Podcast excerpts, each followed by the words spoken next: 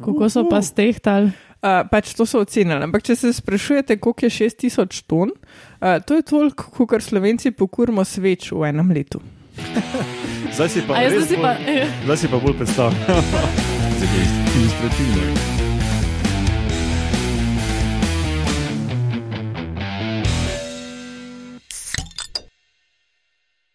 Lepo zdrav, poslušate 60. oddajo podcasta Metamorfoza. To je oddaja o biologiji organizmov, ki vam jo predstavljamo skozi lahkoten pogovor o pivu.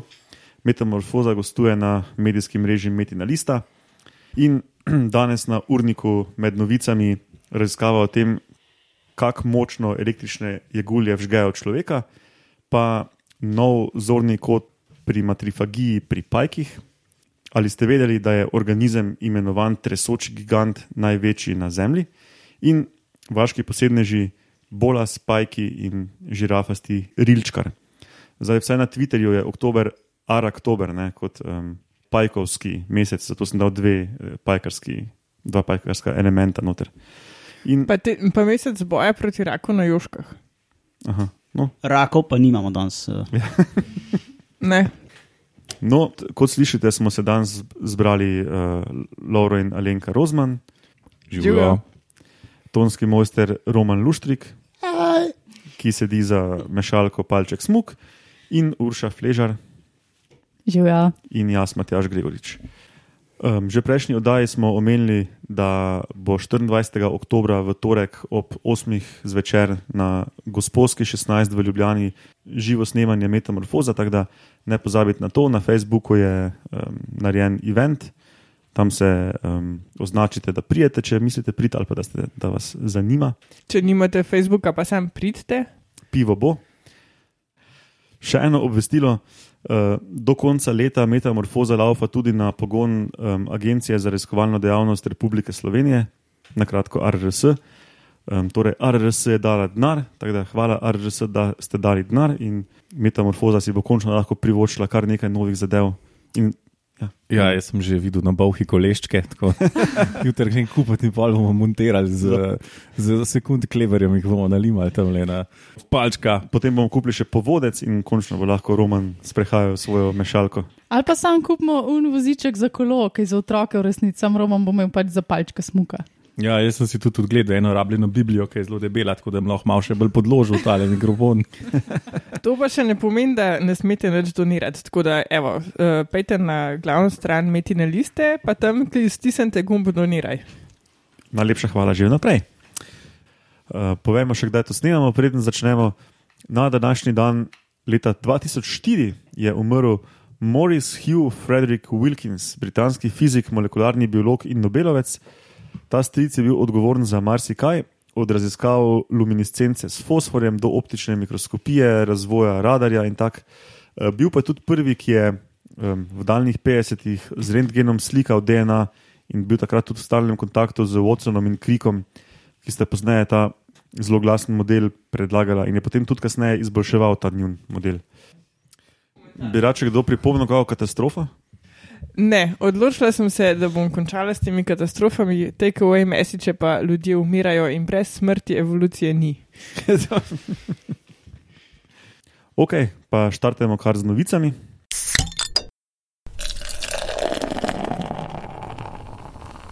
In prva je o, o električnih jeguljah. Uh, jaz sem dobila eno nalogo, da vam sporočim novico, ki je bila oblikovana v en zelo tak čuden članek, ki ga še nikoli nisem videla v taki obliki. In sicer, da ni nobene, nobenega uvoda v temo, ampak so takoj neki rezultati in diskusija. In že to me je ful zmedel. Pa, ko sem pa začela brati, da se, govori, da se gre o uh, šoku, električnem šoku oziroma električnem toku, uh, ki ga igulja spusti v uh, tistega, ki ga napade, se pravi človeka v tem primeru, s- me je pa sploh zaskrbel. Ampak v resnici je stvar zanimiva. Najprej, jaz na primer sploh nisem vedela, da električne jegulje skočijo iz vode in to kar visoko, zato da svojega napadalca oziroma plenilca kar se da močno užgejo uh, z električnim tokom. Ne. One so zgleda tako brihtne, oziroma vse vemo, kako do tega pride. Ne. Da, S uh, tem, da druge jegulje umirajo in pol je evolucija in Tako. pol so Pol skačejo ja, seveda. Ampak po domače so tako brihtne, ne? da so razvile to, to vedenje, da skačejo res visoko iz vode, ker bolj ko so v zraku, bolj ojačajo ta električni tok, ki se ne prenese nazaj v vodo, ampak preko, svoje, preko tistega, ki ga užgejo nazaj v vodo. Ne? Če se razumemo. Ampak, ko ga užgejo, mora pa priti na površino. En tip je izredno zainteresiran za to tematiko in je že naredil neke poskuse, kjer je v lutke, ki jih je nastavil, je guljam, da so jih. Uh, Kako se temu reče? Šokirale. Da so jih šokirale, um, ustavil v uh, take led lučke ne, in bolj je bil močen ta šok od jegulje uh, na tisto lutko, bolj so tiste lučke utripale. Ne. In to, to je izgledalo, kot božična jelka na koncu, zato ker bolj je una, oprosti, Matjaž. Urša se dere v Jaz mikrofon. Laura tu razlagam in sem gledala, kdaj me bo kaj nazaj. Ne, odlično ti gre, super, super, ker izvoli. Te so, ja, te so, uh, Zaenkrat sem videi so, videi so drugače ful zabavni. No. Bomo dali zapiske. Ja, ja, in to možda oba, ne, možda tega, ker lučke žmigajo, pa pa še unga, do katerega pridem in ga razložim, ko je pa dejansko ta človek, raziskovalec, ostal v svojo roko in Dobro. preko svoje roke zmeril električen tok. Skratka. Ja, uh, in takrat so že posredno ne, s takimi umetnimi uh, lutkami in potem, seveda, posrednim merjenjem pokazali, kako se spremenja ta jakost toka. Ne. Tokrat je pa ta isti raziskovalec naredil še en korak naprej uh, in se je odločil, da bo lutko zamenjal kar svojo lastno roko. Um, in tipo je v bistvu naredil tak mehanizem. Um, V, v akvarij je postavil neko posodo z, uh, s, to palco, ki prevaja impuls, oziroma električen tok, ki steče skozi njegovo roko, se pravi iz jegulje skozi njegovo roko v to palco, ki potem prevaja na inštrument, ne, uh, električen tok in se pustil užgati. Brihtno, to me spominja na eno kolegico biologinjo, ki je mogla preveriti, če so polstrupene kače res polstrupene. In je pustila, da se je ugrizel. Ja, In so bile pol strupene ali strupene? ja. Ok, super. No, pač everything for science. Ne? Um, skratka, tip je, uh, tip je tudi s tem dokazal, v bistvu, kar je že prej s tistimi led lučkicami dokazal, ne, da je uh, tok pač močnejši z višjim skokom jegulje ven iz vode. Zdaj pa da eno primerjavo, zdaj o kakšnem toku sploh govorimo. Ne. Preko nekih izračunov je potem uh, ugotovil, da je tudi tok proporcionalen velikosti jegulje. Se pravi, večja kot je legulja, seveda više lahko najbrž skoči iz vode in potem več toka ušicne. Pa tudi verjetno z mišicami to generira, si predstavljate, da tudi mišic Mhm. ima več. Ne? Ja, ja. In on je, on je za ta poskus na sebi izbral eno manjšo jeguljo, ne, 40 cm. In že ta ga je užgala približno toliko, kot so naše električne ograje za varovanje živine pred velikimi zvrmi. Se pravi, to je 41 do 50 mA. Zdaj je pa pol en izračun naredil. Na, To je kar velik.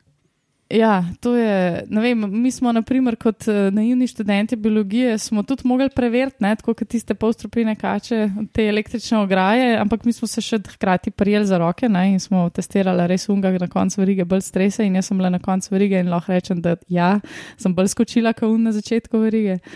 Um, no, skratka, je pa rekel, ne, če je regulja pač ni 40 cm, ampak 180 cm, bi bil tok že tako močen, da bi, da bi te praktično paraliziral, oziroma veliko močnejši kot tisti teaser, ki ga uporablja policija za mm, marsikaj, no pač v kakšnih protestih ali Za koli. in, inkapacitirati um, zlikovca. Tako, tako. Se pravi, uh, od tega tipa raziskovalca, jaz ne vem, kaj bo zdaj še naslednji korak. Ne? Mogoče bo probo še s kakšnim drugim delom telesa ali pa vem, s kakšno drugo uh, pff, žensko, mogoče, ne? da nizko moški ali pa otrokom. Ne vem. Bomo videli naslednjo objavo. Ok, kul. Cool. Še vprašanje? Pol pa druga novica, Roman bo povedal nekaj o matrifagiji pri pajkih, eh, novem, Materfagija. novi študiji. Um, zdaj, vemo, da so soselke, soselke um, žuželke socialne, to pomeni, da živijo skupaj. In um, pri pajkih je to se razvilo ne 20krat v ene sedmih familijah. ko, Matjaš, koliko imamo familije? Ne sto? Do, dobrih stoja. sto familij, pri sedmih, recimo, najdemo to, da živijo skupaj pajki, se pravi, da niso sam en na, na uh, mreži. Um, pri teh, ki živijo skupaj, se pravi, potem, ko pridejo iz kokona ven, ni tako, da grejo drugam, ne, ne dispergirajo, uh, ampak ostanejo v gnezdu. Samci vandrajo lahko okol, ampak prav delač pa tudi ne grejo. To si lahko predstavljamo tako kot naj. Naši pradetki, ki so pač tam do sosedne vasi še šlo, ne, pa naprej bilo pa več, ni bilo več cajta. Sorry, živim pradedek je šel v Rusijo. Ne? V bistvu stari cajti so full vandrali, koliko so pač mogli delati nekam za pol leta. Če te lahko dopolnim, Roman, um, pri pajkih ni socialnosti kot pri žuželkah, recimo teh eusocialnih osah, mravljah, ki imajo prav kaste, ne? Ampak tu pač gre samo za to, da skupaj živijo, Ja, osebki, do- skupaj do- lovijo, kvečemu. Um, ne, ni, Ja, pa, do- ni pa prav delitve dela, kastni sistem. Tako, ni izrazite delitve dela. Ene toliko so socialni, kot ljudje. Ne Ja. preveč.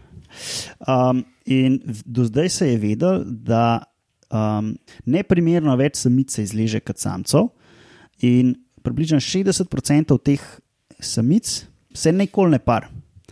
Uh, ve, do zdaj so pa vedeli, da tiste, ki pa se parijo, pa nimajo potomcev, ne, se pravi, ne vem, kaj se je zgodilo, ampak v glavnem parle so se, so pomagale pri skrbi za zarod. In jih pa zanima še, kaj pa teh 60 posto, a sem rekel prej, da se jih 60% par. Ne, Ne, da se jih ne pari. okay, no, ja. kaj pa teh 60 posto, ki se ne par, ne, in jih je zanimalo, a kaj delajo ali ne. So naredili en eksperiment, bla, bla, bla, bla, in rezultati so taki. Se pravi, eksperiment so tako naredili, da so vzeli par samic ke- in ene so parili, druge pa ne. In so pa gledali, a tiste, ki se niso parile, sodelujejo pri skrbi za zarod. Ne. In se pravi, matere, te, ki so se parile in ne parene, so skrbele za zarod, sicer matere bistveno več, pa ne parene samice so šle bolj pogosto na lov kot tiste, ki so imele froce. In samice, te neparene, naj bi tudi um, pustile, da jih pojejo. ne. Um, no, in če potegnemo črto, ne, jaz sem jo potegnil, ne, pod uh -huh. črto. Ne. Um, se pravi, oni so imeli 23 neparenih samic, pa 8 mater. In 8 od, nepar, 8 od 23 neparenih so pojedali. Se pravi, mladiči so jih matrifagirali, so jih pojedali. Čeprav to več ni matrifagija, ne, ker niso Ja. matere. okay. V bistvu so mm, ja, tete ali Te- kakorkoli. tetrifagija. Ja, ja. Livestock. Uh, matere so pa dve od osmih matrifagirali, dejansko matrifagirali. Koliko je to pol v procentih? Uh, ja, dva od osem je ena četrtina, a ne? 8 od 23 je pa kaj. Malo več kot tretjina. Uh, 12 od 23 neparenih je umrl neznanega razloga, se pravi, be, velika večina, ne? Laboratorijske razmere. verjetno. Uh, in spet dve od osmih mater sta, so umrle od, z, z neznanih razlogov, tri neparjene, pa štiri matere so pa preživele do konca opazovanja. Uh, so pa naredili kar velik poskus, no, to je bilo tako na 200 pajkov, rang, pa Mhm. tako ni bilo kar. Bom jaz še dopolnil o matrifagiji. Ravno pri tej vrsti smo govorili že v lanski Halloween epizodi, ko sem ravno jaz o teh pajkih razlagal bolj podrobno, kako ta matrifagija poteka, če, če, če koga zanima, lahko gre nazaj poslušati. Uh, no, pač, zdaj so pa še ugotovili, da tudi tiste, ki niso matere, pri tem sodelujejo. Ne. A pa pol je to matrifagija. No, ja, ni matrifagija, ja, je. Sem, Mislim, Kar, že kar, jedstvo. karkoli fagija. ja, žrtvovanje. Žr- Samo za, žrtvovanje za, za za, dobro skupine. Ja. Ja, um, je pa, moramo pa razumeti, ne, da te osebki v gnezdu so ful, ful, ful, ful sorodni. Ne. To so tako brate pa sestre. Ne. In tako z vidika populacije, tudi tam not, ne vem, tisoč osebkov, ampak jih je efektivno ful manj. Tako Ja. Da, to, da jih umre pol, mogoče z vidika evolucije ni Sploh, problem. če so to neke um, samice, ki se niso parile, pa grejo že proti koncu življenja, ne, to so sezonski pajki. Ne. Boljše, kot da um, umrejo za dobro zarodo, kot pa kar tak. Ne. Okay. Gremo brž na ali ste vedeli.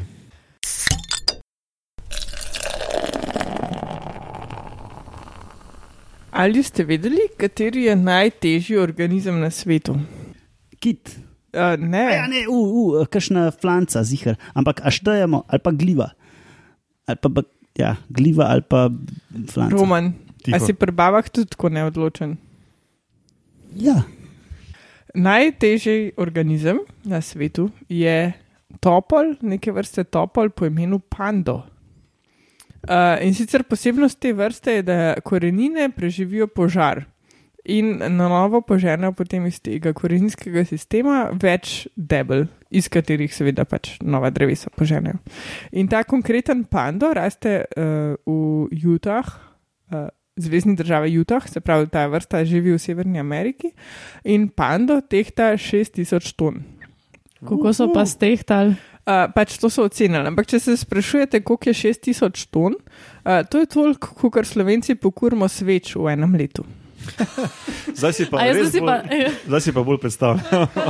Zelo ilustrativno. a to sem Ja. pogrebnih ali tudi tistih po hiši? V njih po hiši, po mojem, zanemrljiva številka. Okay, no, in v glavnem ta um, organizem po imenu Pando pokriva površino 43 hektarov. Če ne veste, koliko je to, to je toliko kot Ljubljanski park Tivoli. Jevo ga. Ja. In po nekaterih ocenah uh, so njegove korenine stare 80 tisoč let. In pred 80 tisoč leti, ko je seme pandota skalilo, naj bi prvi ljudje naselili Avstralijo. Ful dobro primerjava si potegnila. Uh, Medtem ko neki biologi čutijo, da so te uh, korenine stare tudi do en milijon let. In če se sprašujete, kdaj je bilo to, In kako to čutijo? Da Wikipedija pravi, da uh, sam biologist Phil. Aha, ok. Ja. No, pred enim milijonom let je bil ta slavni bottleneck, ko je bilo na svetu samo 26 tisoč ljudi, kar je primerljivo z danes ogroženimi vrstami, kot sta gorile in šimpanz. Jaz bi, jaz bi bolj verjel konzervativnim ocenam starosti. No, ni pa to edina kolonija ne, uh, tega pač posebnega topola, ampak je pa največja. Tako da to je to. In najtežje. In naj, definitivno najtežje. Nekateri biologi ocenjujejo, da na zadnje uspešno cvetel in plodil pred 10 tisoč leti. Kje, eh, a pa obstaja ta vrsta, mislim, ima svoje sorodnjake, sorodnike. Ja, ja, obstajajo tudi druge kolonije, sam pač niso v velikosti parka Tivoli, ampak so 0,1 hektar ponavadi. Pač tam so posebne razmere, ki so posebej ugodne, ker so požari pogosti in to izniči vso konkurenco. Medtem ko pač ta Ki ni pando. ja, ki ni pando, ker pando ima to posebno lastnost, da preživi požarane. Super, hvala Lenka za to uh, dobro ilustrativno predstavitev. Si bomo tudi dost, vsi dosti lažje predstavljali. Pa gremo kar hitro na vaše posebneže.